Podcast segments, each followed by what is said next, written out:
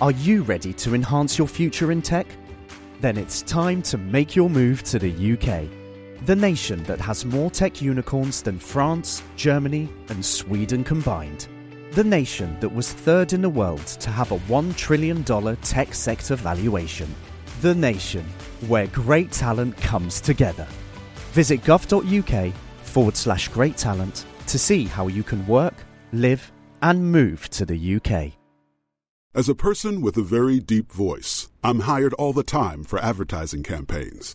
But a deep voice doesn't sell B2B, and advertising on the wrong platform doesn't sell B2B either. That's why, if you're a B2B marketer, you should use LinkedIn ads. LinkedIn has the targeting capabilities to help you reach the world's largest professional audience. That's right, over 70 million decision makers all in one place. All the big wigs, then medium wigs, also small wigs who are on the path to becoming big wigs.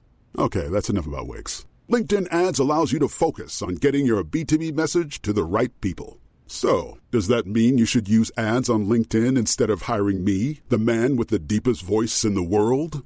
Yes. Yes, it does. Get started today and see why LinkedIn is the place to be to be. We'll even give you a $100 credit on your next campaign. Go to linkedin.com slash results to claim your credit. That's linkedin.com slash results. Terms and conditions apply. Du lytter til en helt ny episode av Klokkelandslaget, og i dag skal vi blant snakke om en ny Sertina, som både jeg, Nikolai og Jon Henrik er meget spente på, og noen nye Breitlings, og en gammel Hoier skal vi vite. Eh, alt dette og mer. Rull intro.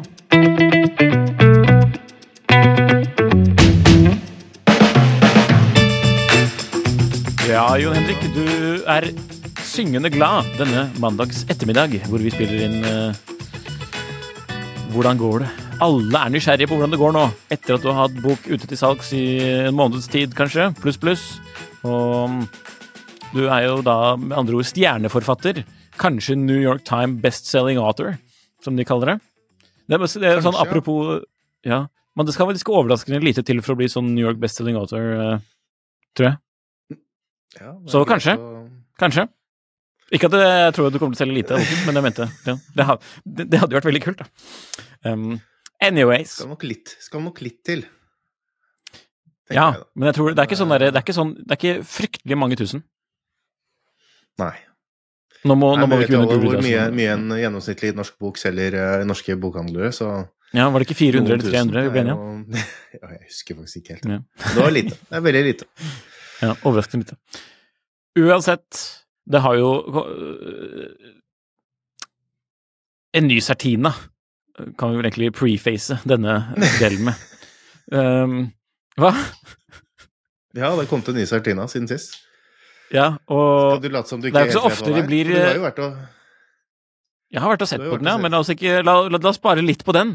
For at det er jo ikke så ofte vi begge to blir så, så oppspilte over en nokså Man kan jo kalle det liksom relativt ellers ordinær klokke. mm. Uh, for at uh, vi fikk jo et lite eh, glims av denne klokken fra noen som hadde postet den på Instagram uh, før den hadde kommet ut. Men nå er den faktisk kommet ut. Ja. Og det har jo vært spennende.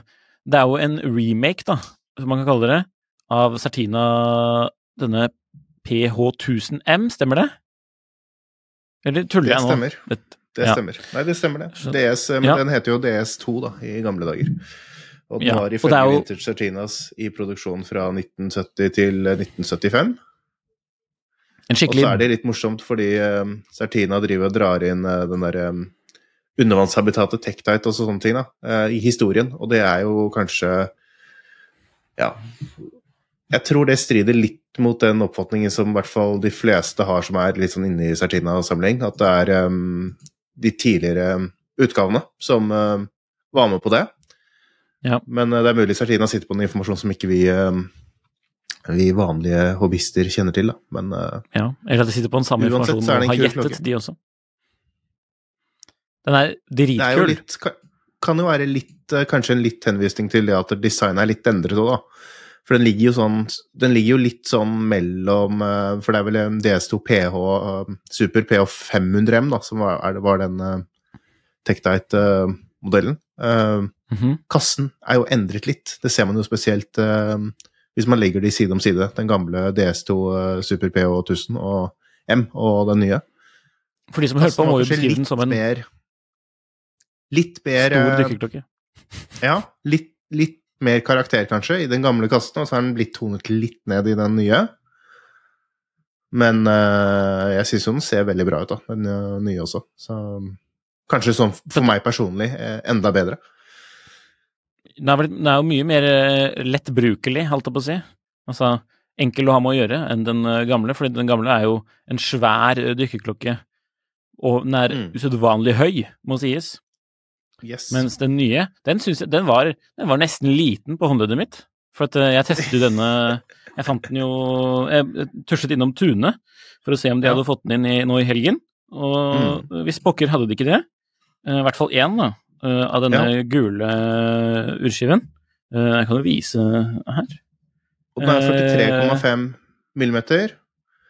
Og 14,15 tror jeg det er, eh, millimeter tykk. Og den eh, gamle er jo også 43 millimeter, men den har et litt annet design, og så er den 18 millimeter. Og det, den forskjellen på 4, 4 millimeter er ganske mye, da, sånn i tykkelse. Den gjorde mye forskjell. Så- Den er faktisk, Mm. den er faktisk ganske Jeg likte godt størrelsen. Mm. Og den er ikke for høy. Så Jeg så jo noen kommenterte litt på Houdinki-artikkelen om at eh, børstingen så litt sånn uh, ugjort ut, holdt jeg på å si. På, for den har sånn der sirkulær børsting, sånn at det, liksom, det børstes ut fra senter av urkassen, ikke sant, og så i en sånn uh, sol... eh, eh, Solstråle. Sunray-effekt, holdt jeg på å si. Ikke helt, men litt. Solstråle, takk skal du ha, på norsk. Jeg vil jo si det er ganske akkurat det, da, men uh, Ja. Ja, men det er ikke så overraskende kanskje det, da, at den er litt, kanskje litt um, dårligere enn det man ser på dyrklokker. det er men jeg så ikke det på den Ja, er eh, svarebutikken, da, bare så det er sagt. Å. Der tenkte jeg bare mest på at, litt, at den fremsto litt svak. Ja, det var det jeg mente, da. At den er litt, den er litt, litt um, Ikke så kanskje like um, Nei. tydelig og, og sterk som det der. Men, så- Men det er jo det som Det er jo sånn som det er med Nei, jeg skylder- jeg- er uh, Ja. Jeg skylder på litt dårlig linje her på Wifi-en, altså. Hvis det, Ja, det syns det blir veldig dårlig. Ja. Gummiremmen, syns jeg den er var, veldig fin. ja, den var meget myk, men jeg syns den er motbydelig å se på. Nei, jeg syns den er kul, jeg. Passer. Ok. Den andre remmen, da, den skal være sånn miljøvennlig. Tide Ocean. Material. Mm. Stemmer. Så, Så den er kul. Jeg vil gjerne ha den på, med sort urskive, for det, eh, eh, på den gule så står det jo limited edition. Uh, det, sånn kan vi ikke ha. Jeg syns det er litt sjarm, jeg. Hvorfor ikke?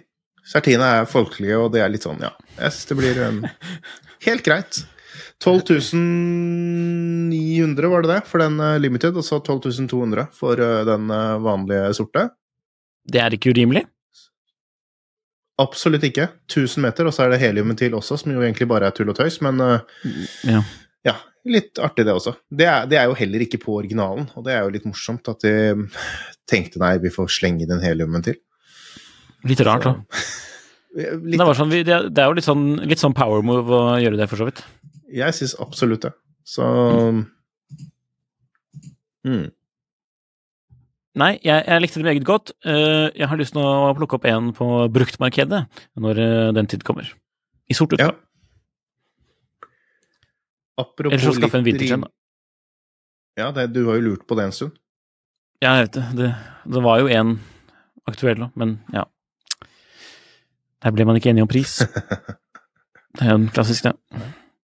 Men eh, så Dette blir jo en ny budsjettfavoritt. Eller altså eh, Det er jo ikke budsjettbudsjett, den koster jo over 10 000 kroner, men Ja. Nei, men det er jo innenfor det som er den nye insektklassen, sånn som det har vært prisgalopp, vil jeg si. Og det er, men det er mye penger for, uh, for um, mye penger. Det er mye klokke for pengene. Ja.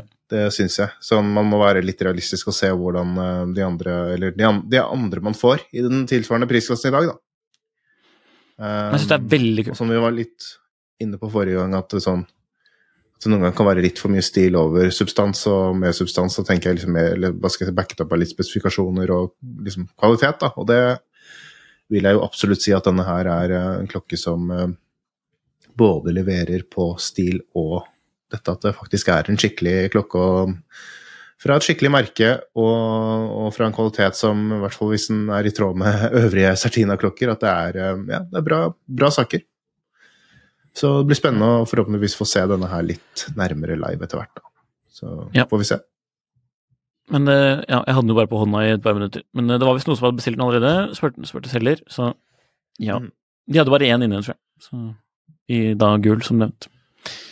Det er vel sånn ja. typisk uh, litt uh, norske urmakere, at man er litt forsiktig med å ta inn sånne klokker som, som, ja. ja. som blir litt utenfor det helt, uh, helt vanlig. Som jeg skulle si, Apropos rimelige klokker, så mm -hmm. var det en venn som viste meg en uh, IWC her uh, på Messenger, og det var um, ja, Det morsomme er jo at det er jo en uh, IWC som um, Nei, det er, det er, ikke en IWC, mener jeg. Det er en, det er en Festina som ser akkurat ut ja. som en IWC. Okay. Og det Ja. Hva er det de driver med? Ja, hva søren. Ja. ja. Den ser jo litt ut som en uh, forrige um, Ja, det er vel er det én eller to generasjoner siden. Um, ja, ja. Bare da tre pilot, uh, datoer. Stemmer. Så de har gjort to i stedet. da. den er jo helt heslig, den der dag, dagsindikatoren, for den viser jo bare ja, vel... den, den, er helt ja. ute å kjøre. den viser hvilken dag det var uh, i går.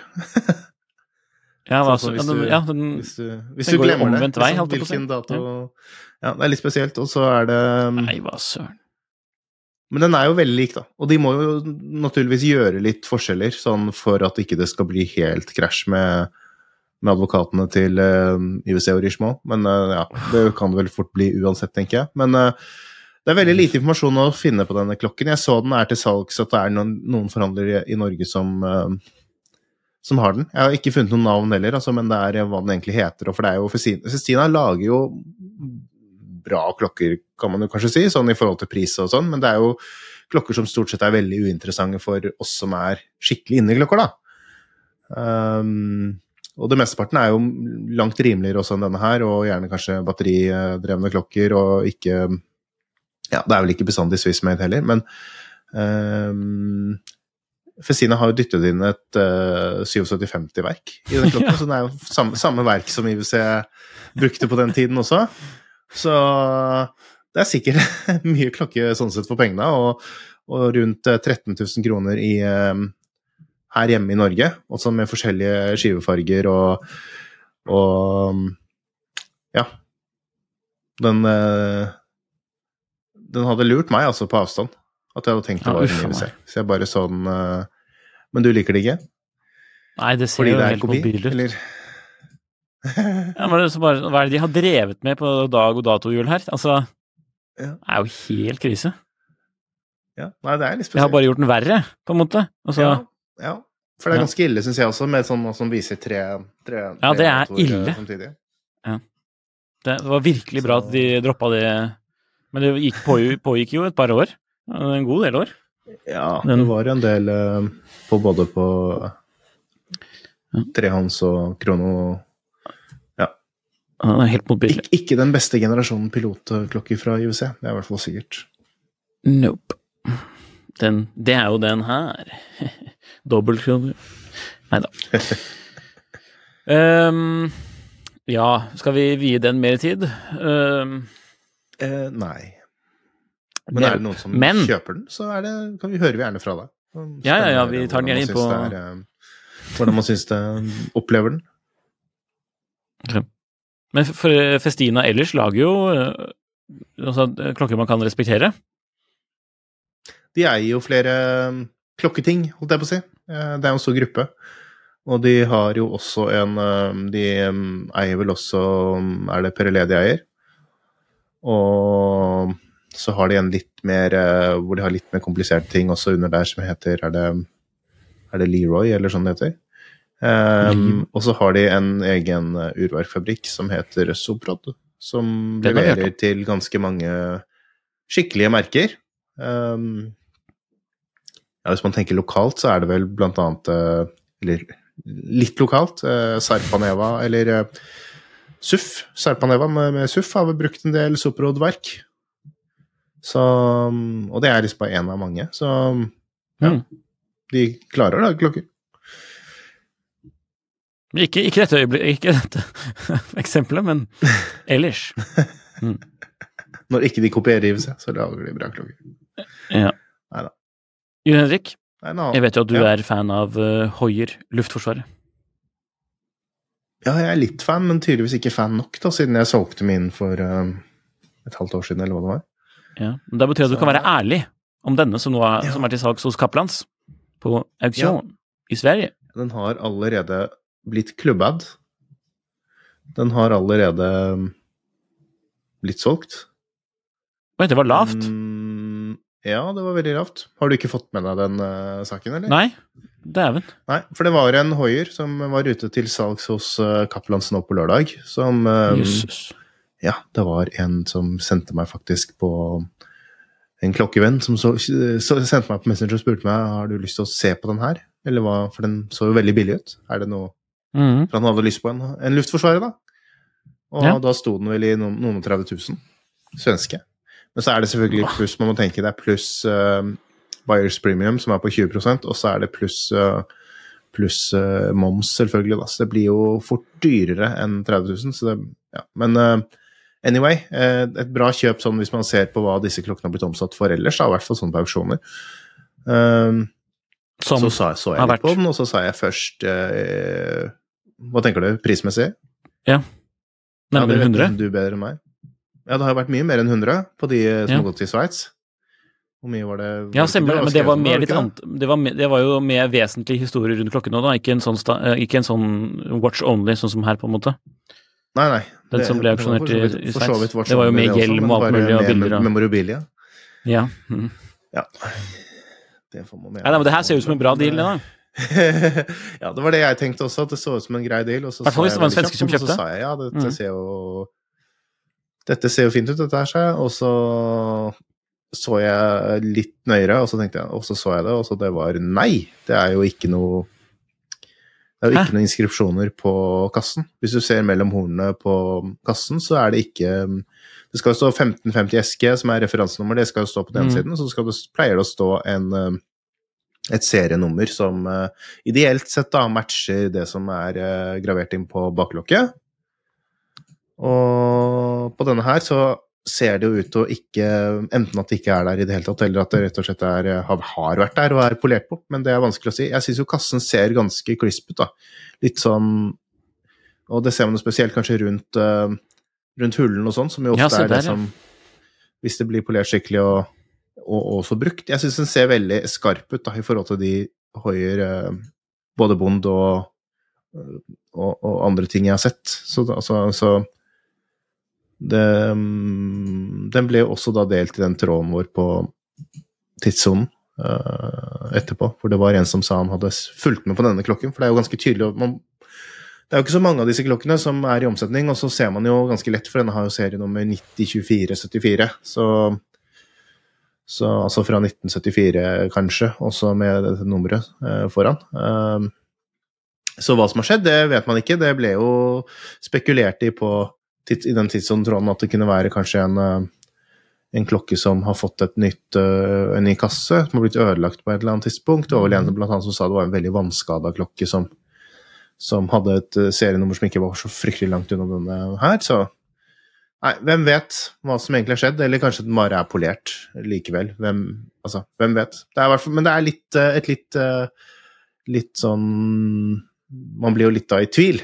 Og det ble også sendt en melding til Kaplan, så de svarte jo for så vidt ganske greit. De ønsket jo da ikke å gjøre noe med øh, auksjonen mens den pågikk, og da var det vel nesten en dag, eller også nesten samme dag som den på en måte skulle avsluttes. Men så sa de at de kom til å gi kjøper Informere kjøper og gi eh, opsjon på å, å trekke seg fra kjøpet. Og hvis det stemmer det som kom inn i tidssonetråden, hvor det også da er Den har blitt besøkt av han som faktisk En svenske som faktisk kjøpte den, eller fikk tilslaget, så, så Mm. endte det vel med det at han takket nei. Så Og da var jo prisen 43 000, og så blir det jo Jesus. 20 da. Så Nei, jeg vet ikke. Hva, du er du som er eh, vintage-mannen her, Nikolai. Hva Altså, jeg hadde ikke sånn som Jeg et- så jo denne klokken for første gang uh, når jeg klikket på linken uh, som du sendte meg, eller sånn, uh, så jeg ga jo Jeg trodde det, det så jo bra ut på bildene, men man må jo se Ja, nærmere. Generelt sånn med, med en kasse som er sånn, da. Hva tenker du om det? Og verdi, og er det Altså, det, jeg, Er det- jeg blir jo umiddelbart skeptisk når man ser en så bra urkasse. Når man ser nærmere på det. Det var jo veldig lite flås på denne i forhold til de andre, for de er jo, som oftest er de nokså medtatte. veldig godt brukt, mange av de? Mm. Mens denne så jo Og- denne, Her var urkassen eksemplarisk, eh, nærmest. Og så Mm. Er det bare meg, eller mangler det en skrue på høyre side nederst der på denne bildet, eller? Det så jeg faktisk ikke, men det er mulig. På baklokket. Anyways, er eh, folk som lytter, sjekk ut linken og se på klokken Nei, jeg tror ikke, tror ikke det mangler noe skru. Ja, ok. Men eh, Nei, altså Hvis det ser for bra ut, så Det er jo ikke så ofte vi opplever sånne ting i norske auksjoner, da, at det er liksom at, eh, at det er eh, For vanligvis eh, Det er jo ikke her, det Greia er jo at på norske auksjoner eller skandinaviske auksjoner så er det ikke så ofte det kommer opp sånne high hitters hvor det virkelig lønner seg å gå hardt inn for å, for å være uærlig, på en måte. Ikke at det har skjedd i dette øyeblikket, nei, eksempelet, men læll. Nei, man vet Eh, egentlig ikke hva som har skjedd her. Det er jo litt vanskelig å vite, men Ja. eh, Det er jo nærliggende å tro at det skjedde noe At det ble byttet liksom legitimt urkasse. For det Mm. var jo bare et verktøy i gamle dager. mm. Så hvorfor ikke bytte kasse? Det er ingen som tenkte på å nei, da kommer det noen på auksjon i 2023 til å synes det er horribelt. Nei, jeg, jeg aner ikke. Og så er det det med Men kanskje man klarer å kunne nøste opp i det i og med at også hva skal jeg si, referansenummeret også mangler, da. Um, Mm. um, ja, hvem vet. Altså her er det bare baklokket som, eh, som indikerer Luftforsvaret. Ja, for det er jo det, det, er som er det eneste Det er jo stort sett bare det og kassen og gravering Ja. på kassen som er det man kan se på for å vite at, uh, at det er en Luftforsvaret. Men det burde være mulig å spore opp noe historie og Ja. Mens dette serienummer var da ukjent til nå. Det er mulig kanskje å vite. Ja. Mm. Nei. Ja, men spennende, da. Det var jo kult at det liksom at Eller, ja. Ja. At det skjedde på tidssonen, holdt jeg på å si, i trådene der. Så Ja, Mhm. det er jo ikke så Den fikk jeg faktisk ikke med meg. Det er jo- ja. Yes. Nye klokker. Nye pilotklokker? Oh, noe for Haaland. Kanskje. Ja. Han dukker vel med en postet, sånn, eh, uh, klokke, tenker jeg. Mm. Jeg så han postet med en uh, ny gullbreitling her om dagen nå, på Story. Var det med en, en, var det en Navitimer, eller var det Ja, det var... lurer på det. Jeg husker ikke, jeg tok screenshot, eller jeg ble sendt screenshot, for jeg følger ikke, men eh, ja. The number one selling product of its kind with over 20 years of research and innovation. Botox Cosmetic, out toxin A, is a prescription medicine used to temporarily make moderate to severe frown lines, crow's feet, and forehead lines look better in adults. Effects of Botox Cosmetic may spread hours to weeks after injection, causing serious symptoms. Alert your doctor right away as difficulty swallowing, speaking, breathing, eye problems, or muscle weakness may be a sign of a life threatening condition. Patients with these conditions before injection are at highest risk. Don't receive Botox Cosmetic if you have a skin infection. Side effects may include allergic reactions, injection site pain, headache, eyebrow and eyelid drooping, and eyelid swelling. Allergic reactions can include rash, welts, asthma symptoms, and dizziness. Tell your doctor about medical history, muscle or nerve conditions including ALS or Lou Gehrig's disease, myasthenia gravis, or Lambert-Eaton syndrome and medications, including botulinum toxins, as these may increase the risk of serious side effects. For full safety information, visit BotoxCosmetic.com or call 877-351-0300. See for yourself at BotoxCosmetic.com. Hey, I'm Ryan Reynolds. Recently, I asked Mint Mobile's legal team if big wireless companies are allowed to raise prices due to inflation. They said yes. And then when I asked if raising prices technically violates those onerous two year contracts, they said, What the f are you talking about, you insane Hollywood ass? F- So to recap, we're cutting the price of Mint Unlimited from $30 a month to just $15 a month. Give it a try at mintmobile.com slash switch. $45 upfront for three months plus taxes and fees. Promo rate for new customers for limited time. Unlimited more than 40 gigabytes per month. Slows. Full terms at mintmobile.com.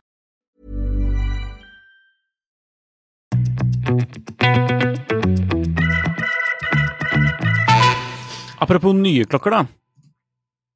Fra Breitling denne gangen. Også flyrelatert, dog. Avenger. Pilotklokker? Pilotklokker. Kanskje noe for Haaland? Kanskje. Hvis han uh, blir dørvakt, eller? Nei. Dårlig spøk. Det er jo Avenger er jo kjent for å være de uh, Hva skal jeg si de, Den litt sånn Det er vel ikke Det må være lov, lov å si at det er ikke kjent for å være liksom de mest sofistikerte urene i uh, katalogen til Breitling. For dette her var jo en serie som var virkelig stor for ja, sånn 20 20-15 år siden, hvor det var kult med litt store store klokker. Store, flashy Dørvaktens gulltid. Så øh, det er øh, en, en kolleksjon også som Breitling øh, ja, det er vel det er, det er ikke den kolleksjonen de har brukt mest ressurser på de seneste årene, vil jeg si. Den har vært nesten litt i grenseland sånn at man har tenkt at den er, er det noe som kommer til å forsvinne. Eh, og med Cairn, når han kom inn, så, så var det vel også litt snakk om det at denne eh, kolleksjonen sakte, men sikkert skulle bare uh, få dø ut, etter hvert som han solgte ut de klokkene som var ute hos forhandler og på lager. Og det var mange. Hvem vet? Men nå, den, i forrige uke, så, så slapp jo Breitling faktisk en uh, oppdatering av hele kolleksjonen. Og det ser eh, jammen ikke så, så dumt ut. Og jeg syns jo egentlig at det er veldig hyggelig at de fortsetter å, å satse videre på dette her, da. Fordi det er en eh, Det er en kolleksjon som egentlig jeg eh, selv syns er ganske kul. Jeg har jo eid Du vurderer karriereskifte? Avenger, eh, Avenger-klokkene. Ja, men så, sånn klokkenerd eh, i Frekstad eller dørvakt, det er litt av samme, to sider av samme. så den her er eh, Ja, den gule. Veldig kul. En annen også som de kaller for eh, Night, eh, Night Mission. Sort. Med sånn karbonkomposittskive, eller der. er. Og ja, jeg syns det er kult, altså. Det er kanskje ikke helt din stil, Nikolai, eller? Nope. Men jeg kan jo være enig i at det er kult, da. Altså sånn objektivt sett. Ja. Fete bilder, for så vidt. Forsking eh, Klokker, fete bilder, det er Breitling god på. Det syns jeg faktisk at det er en av de som har de beste, beste bildene. For det hjelper ikke å ha bare kule bilder hvis man bare har sånne datagraf eller kule klokker hvis man bare har sånne datagrafikkbilder. bilder. Enig. Så de kjører jo da ut en full kolleksjon med både en eh, 44 mm GMT, denne kronografen som eh, er basert på B01-verket, også den 44 mm. Og så har de en enkel eh, em, trehånds automatikk, som også er um, 42, ja, 42 mm. Så det er jo forholdsvis store klokker, og det er jo litt kanskje det man også forventer av eh, Avenger. da, At det, at det ikke skal være akkurat eh, sånn 38-37 millimeter. Um, og det som kanskje er litt interessant, er jo det at de kjører fortsatt ut, um, ut med, med ETA-verk på GMT og, og um, den vanlige trehånds uh. For de har jo også hatt en, om de har, eller har hatt, en avtale med Kennessy, som er Tudor sin uh, urverksfabrikk. Um, den, der vet jeg ikke helt hva som skjer, og det er det som er litt interessant. For uh, hvis man har sett på også de andre lanseringene til Breitling i siste, så har det vært med, altså ikke med Kenissi-verk. Så jeg tror jo det samarbeidet er i ferd med å avsluttes. Eh, og, og samtidig så ser man jo det at de, i denne kronografen så har de inhouse B01, så det virker som de har et ønske om å pushe inhouse. Men uh, foreløpig så har de jo ikke noe alternativ da, på, på vanlig trehånds eller GMT. Så prismessig så ligger disse klokkene på Skal vi se uh, Nå jukser jeg litt for å lese fra artikkelen som Jørgen skrev på Tidssonen, som man for øvrig også kan lese for å se alle variantene. 92 800 fra, for disse kronografene starter på, og på GMT så er vi på 62 000 startpris. Og på vanlig automatikk så er vi på 53 700 kroner. Så Ja, jeg eh, hadde jo egentlig håpet på det at de skulle kanskje være litt snillere med prisingen her, da. Og kanskje at det kunne være en slags Sammenlignet med disse premiermodellene og disse som, klokkene som man kanskje tenker skal være litt Ikke krono Åh, nå står det helt stille. Krono hva er, det hva er det det heter for noe? Kronomat. Eh, Kronomat? og at, de, mm, at man kanskje skulle, skulle ha de som litt mer eh, hva skal jeg si, mer luksusvarianter. da, Og så kunne man ha litt mer innsteg og kanskje til og med droppet inhouse-verk for å få ned prisen litt, for det har man jo gjort på på denne Eller det, det har de kanskje endret, det også, men på disse eh, Top Time så hadde de jo på et tidspunkt eh, metaverk. Og det påvirket jo også prisen og gjorde det ganske attraktivt sånn. Så kanskje det hadde vært mer riktig for Avenger. Og, for det er jo uansett hva skal jeg si, mye design som man kjøper når man kjøper en sånn klokke, og et veldig distinct look. Det er mye stål. Um, det er mye stål. Uh, men uh, ja. Nei, jeg syns det er kule klokker. Man kan gi skryt til, Nighta. Man kan gi skryt til eh, denne kolleksjonen, da, for at eh, det, det siste så må vi jo si at Breitling har vært flinke til å ta disse designene som i retrospekt er ganske gyselige, og putte på et par moderne twister, som gjør at de faktisk eh, er mulig å selge nå. Ja, jeg syns jo ikke Jeg syns jo egentlig ikke at Avenger er helt sånn gyselig i utgangspunktet. Nei, men er altså, det var liksom sånn veldig tidstypisk, liksom, da.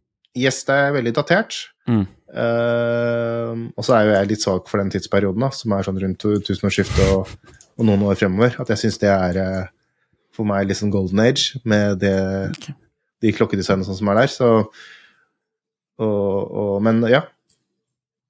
Spennende å se om um, hvordan dette vil slå an. Jeg vil jo si det er litt klokker som er litt jeg vil jo tro det er klokker som i hvert fall blant entusiaster eh, vil være litt sånn i, mot, i motbakke. For det er jo ikke de størrelsene og den sånn moderne, hva skal jeg si, varsking eh, Eller hva skal man kalle stilen? Altså, Lamborghini Diablo pilotklokker Jeg syns du det? Ja, jeg ser for meg det, det, du, du i en sånn bil med, den, med en Avenger. En Lamborghini Diablo? Og året er 1999. ok. ja, nei, vi, vi får se. Men, uh, men ja, jeg syns det er kult at ikke de, de um, dreper av hele den kolleksjonen. At de faktisk har puster nytt liv i den. Og at det fortsatt er mulig å kjøpe disse klokkene. Og så syns jeg jo Breitling er definitivt de som gjør den stilen der best, da. Um, det er jo mange som har prøvd på lignende Invicta. Ja, jeg syns ikke akkurat at det er Invicta, da. Jeg tøyser litt, da. Jeg tøyser litt. ja, ja. Jeg skjønner jo hva du syns, da. Det er ikke Mm. din stil. Nei, men altså, Men, eh, og sånn er jo fett. Mm. Nå driver jeg og rekker opp hånden her, for at eh, linjen mellom Oslo og Fredrikstad den er forstoppet. Så er altså Ja. Så vi skylder på det hvis jeg avbryter. På torsdag så skjer det jo Mm. noe fantastisk. GPHG, Grand Prix du Horlogie du Genève. Fantastisk. Og vi gleder oss Fantastisk, fantastisk. som småbarn. Ja, vi gjør vel kanskje det. Vi har jo snakket litt om det innledningsvis, eh, eller ikke, ja, altså tidligere episode. Men nå har man jo tid til å gjøre opp seg noen favoritter. Mm. Jon Henrik, du drømmer jo om å være med i juryen en vakker dag. Eh, kanskje Ja. til og med med en Avenger på hånden. Og hva er dine favoritter? Hvem ville du stemt på?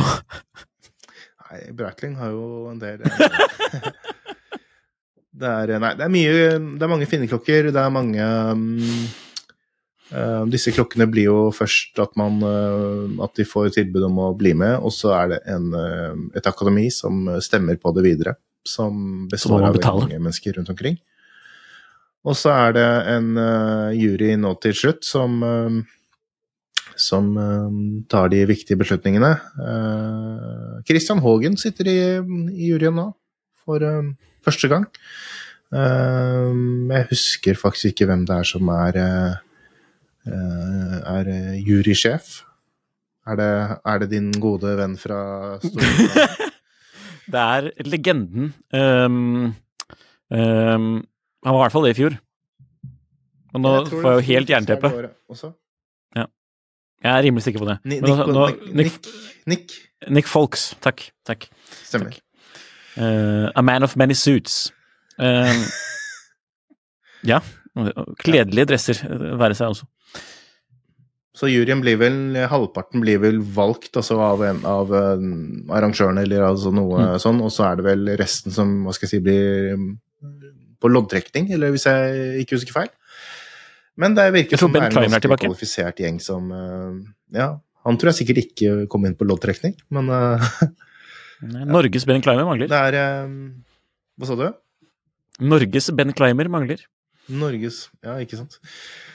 Nei, jeg syns det er mye fine klokker. Det er mange klokker som er veldig uinteressante, og uinteressante for vårt marked også, tror jeg. um, som vanlig. Men kanskje mindre nå i år enn det det har vært før, føler jeg litt, sånn det, når man går gjennom kategoriene. Uh, men det er mye å velge i. Jeg syns i denne rene Men's Watches-kategorien, som eh, fortsatt har fått lov til å hete Men's Watches, da. det er eh, Der er det jo litt uh, ambisiøse klokker som stiller til start. Eh, min favoritt der er, eh, og ikke bare der, men kanskje i hele, i hele konkurransen, så er det Ferdinand Bertou FB3 SPC, som er en fantastisk uh, Bertou-klokke. Um, det er jo et merke som blir eid av Chopard, men hvor eh, hva skal jeg si, de flinkeste, de flinkeste folka i Chopard eh, lager vel Ferdinand Bertou. Uh, og det er helt fantastiske klokker. Vi har snakket litt om de tidligere, tror jeg. Men det er bare helt uh, Ja, det er, det er sånn uh, hva skal jeg si, indie toppnivå mm, kvalitetsmessig. Og så er det Designet er spennende, og mekanikken er spennende, og alt er bare kult. Uh, men det er jo litt andre, andre kandidater i denne kategorien også som er uh, verdt å merke seg, og det er jo denne til uh, Simon Brett, som er en klokke som har vært veldig mye press rundt og veldig mye oppmerksomhet rundt, i hvert fall sånn på sosiale medier. En ganske ny indie som har laget en klokke som tilsynelatende er av veldig høy kvalitet. Og så er det også denne klokken til Nå får jeg håpe jeg sier navnet riktig. Shevdet Recepi. Broren til uh, godeste uh, som har uh, Akrivia. Eh, Og, og han jobbet jo også i eh, Bror Sjevdet, jobbet jo også i eh, Akrivia en periode før han branchet ut for seg selv, og har laget en slags eh, luksusversjon av den sveitsiske jernbaneklokken, for å kalle det.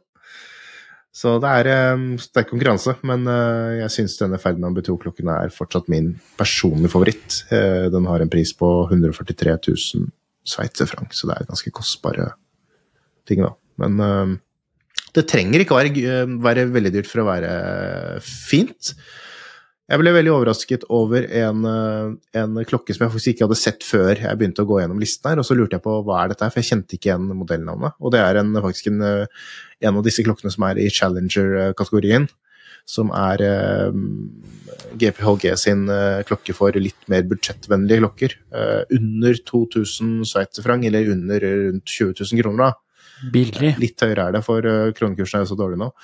Men eh, en Raymond Weil eh, som er veldig vintage-inspirert, og denne har jeg nesten lyst til å dele bilde av for de som ser på Ja, fantastisk fint design, vil jeg si. Og da tenker jeg både på skive og kassen, ikke minst. Er det Longin? Klassisk. eh, ja, du tenker litt på Longin, den Heritage Classic. Jep. Uh, som uh, ved lansering i 2019 kostet rett under 20 000 kroner. Nå koster den 31 000. Ah. Mens denne um, Raymond Wei, Weil eh, Millisim uh, Small Seconds eh, koster rett over 20 000. 20 750 kroner. Og skal visstnok være på vei til Norge i løpet av november. Eh, det er bare så jækla synd at man må sitte og se på Raymond sånn på For det, det funker så innmari dårlig. Jeg skulle tror navnet den er jo penere. Den er mye altså, penere enn Lon- Longines ja. Mm. Eller? Ja. Ja, bare se bort Ja, fra jeg synes logoen. Jeg syns den er penere enn også disse Baltic-klokkene og altså alle disse Hva? som er mye mer sånn uh, og, og, her vet man jo at kvaliteten er ganske bra, for altså, eller er bra. Nå, nå er jeg litt for uh, kritisk her, men ikke, ikke, ganske bra. Den er veldig bra, uh, Ramon Weil.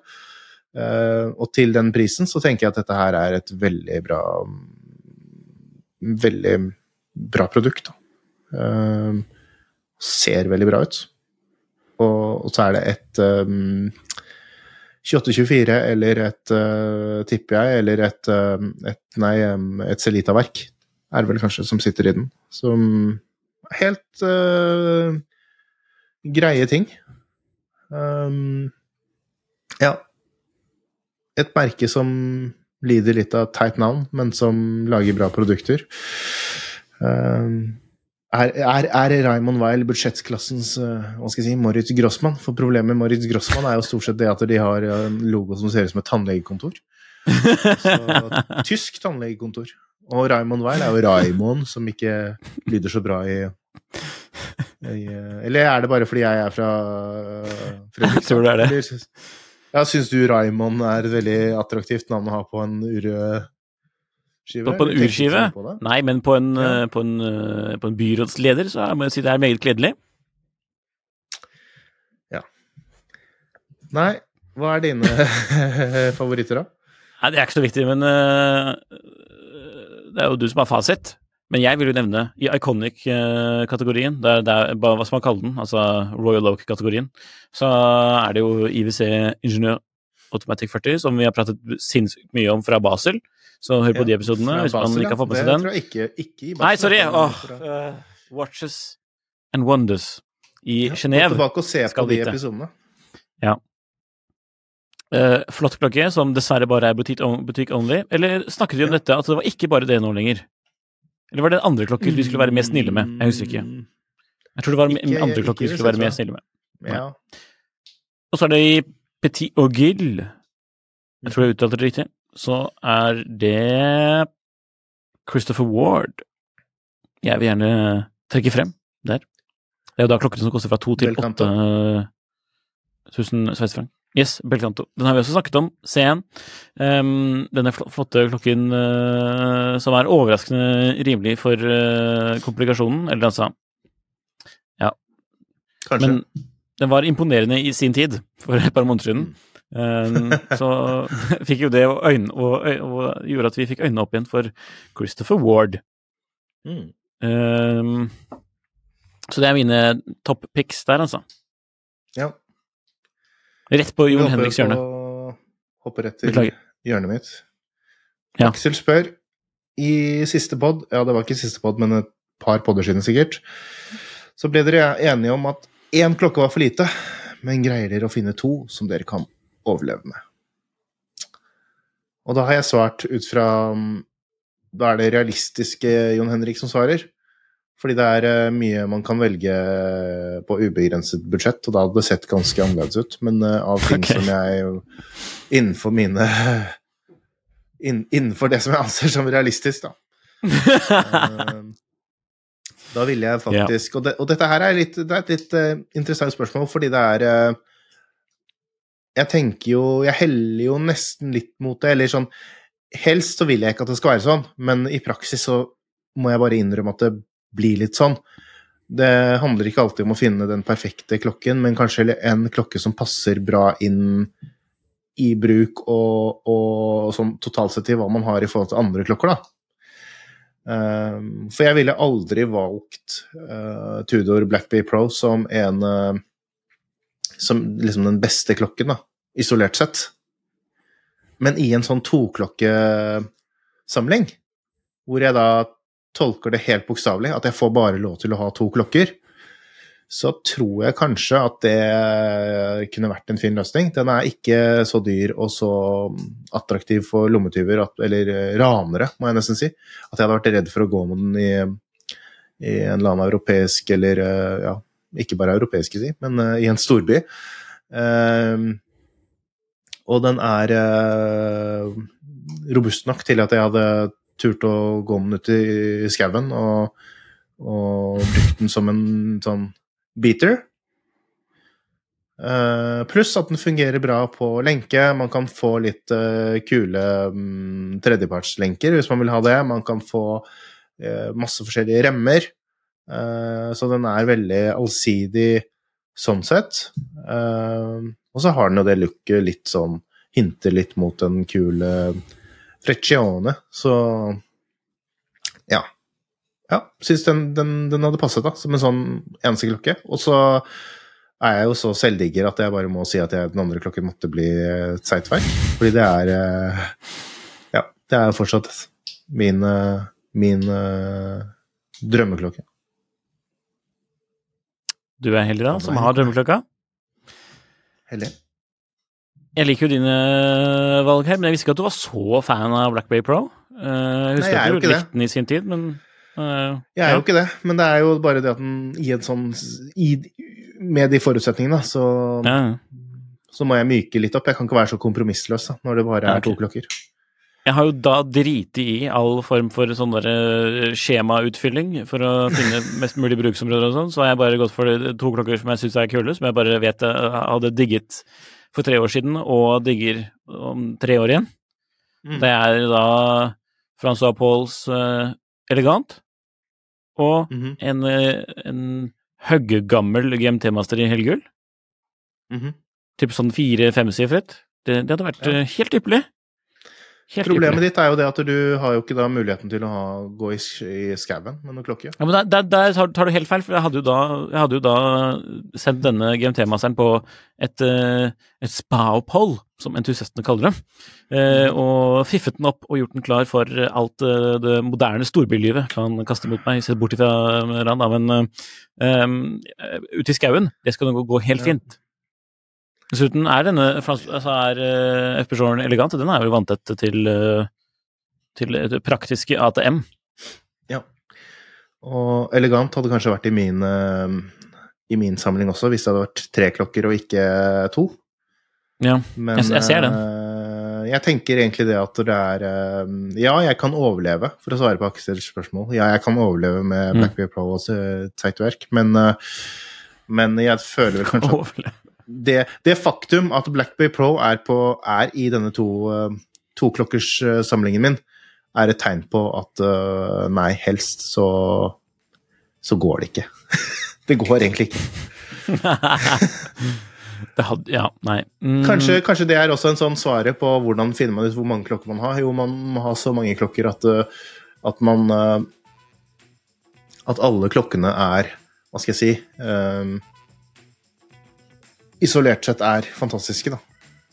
At man trenger ikke å gjøre disse uh, Ja Ta høyde for, for uh, ulike forutsetninger som gjør at man må velge noe som ikke er helt optimalt. Men uh, ja.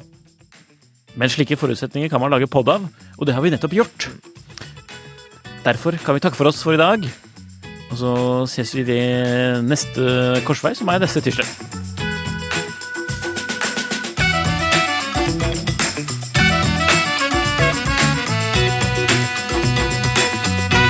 Klokkelandslaget er en Finansavisen-podkast i samarbeid med Tidso. Programleder er Nicolai Giel og Jon Henrik Haraldsen. Produsent er Lars Brenden Skram. Podkast- og videoansvarlig er Marius Mørk Larsen. Og ansvarlig redaktør er Trygve Hegnar.